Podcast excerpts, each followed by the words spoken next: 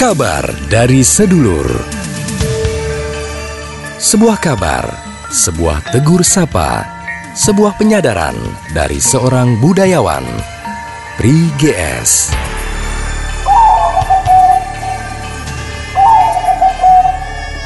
Sedulur-sedulur saya di mana pun Anda berada, ketemu lagi dengan saya Pri GS di Kabar dari Sedulur. Mohon maaf lahir batin, minal aidin wal faizin, seluruh khilaf, salah dan dosa-dosa saya kepada Anda, tolong dimaafkan.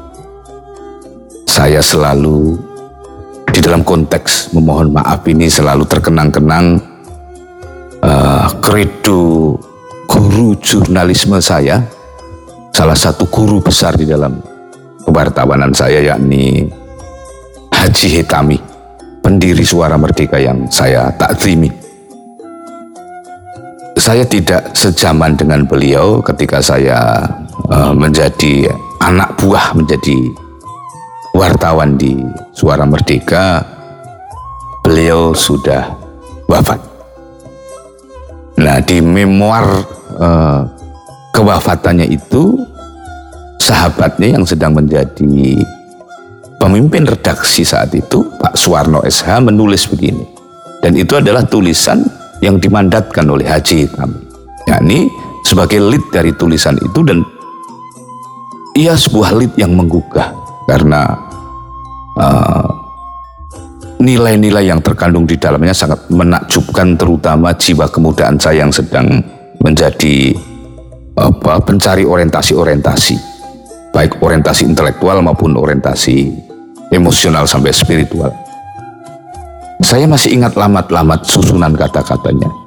Jika orang ini nanti meninggal, tulis saja. Jangan tulis macam-macam, tapi tulis saja bahwa selama hidupnya orang ini selalu ingin berbuat baik kepada sesamanya.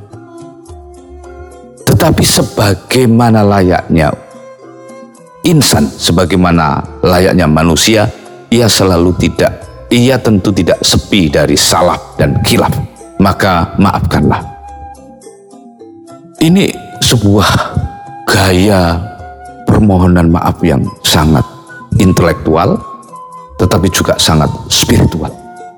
Bahwa kesalahan-kesalahan kita akan menjadi kesalahan-kesalahan yang nyaris tidak hanya manusiawi serta agung, kalau ia bersemayam di balik seluruh dari kita yang sejatinya ingin berbuat baik kepada manusia, kepada keluarga, kepada khalayak ramai, kepada kantor kita, kepada profesi kita.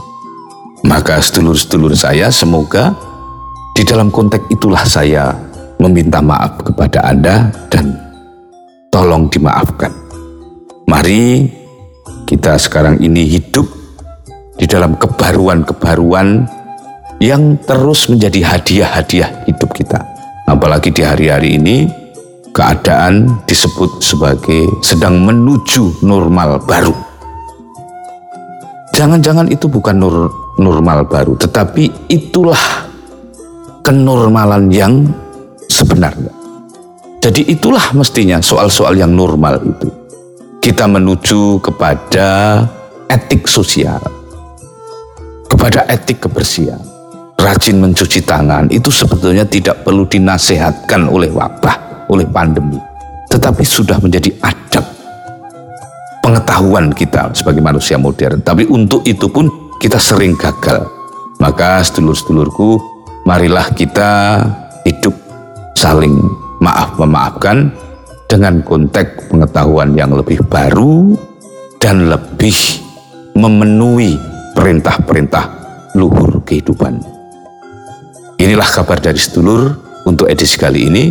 Insya Allah kita ketemu lagi di kabar dari sedulur edisi berikutnya. Demikian kabar dari sedulur bersama budayawan Priges.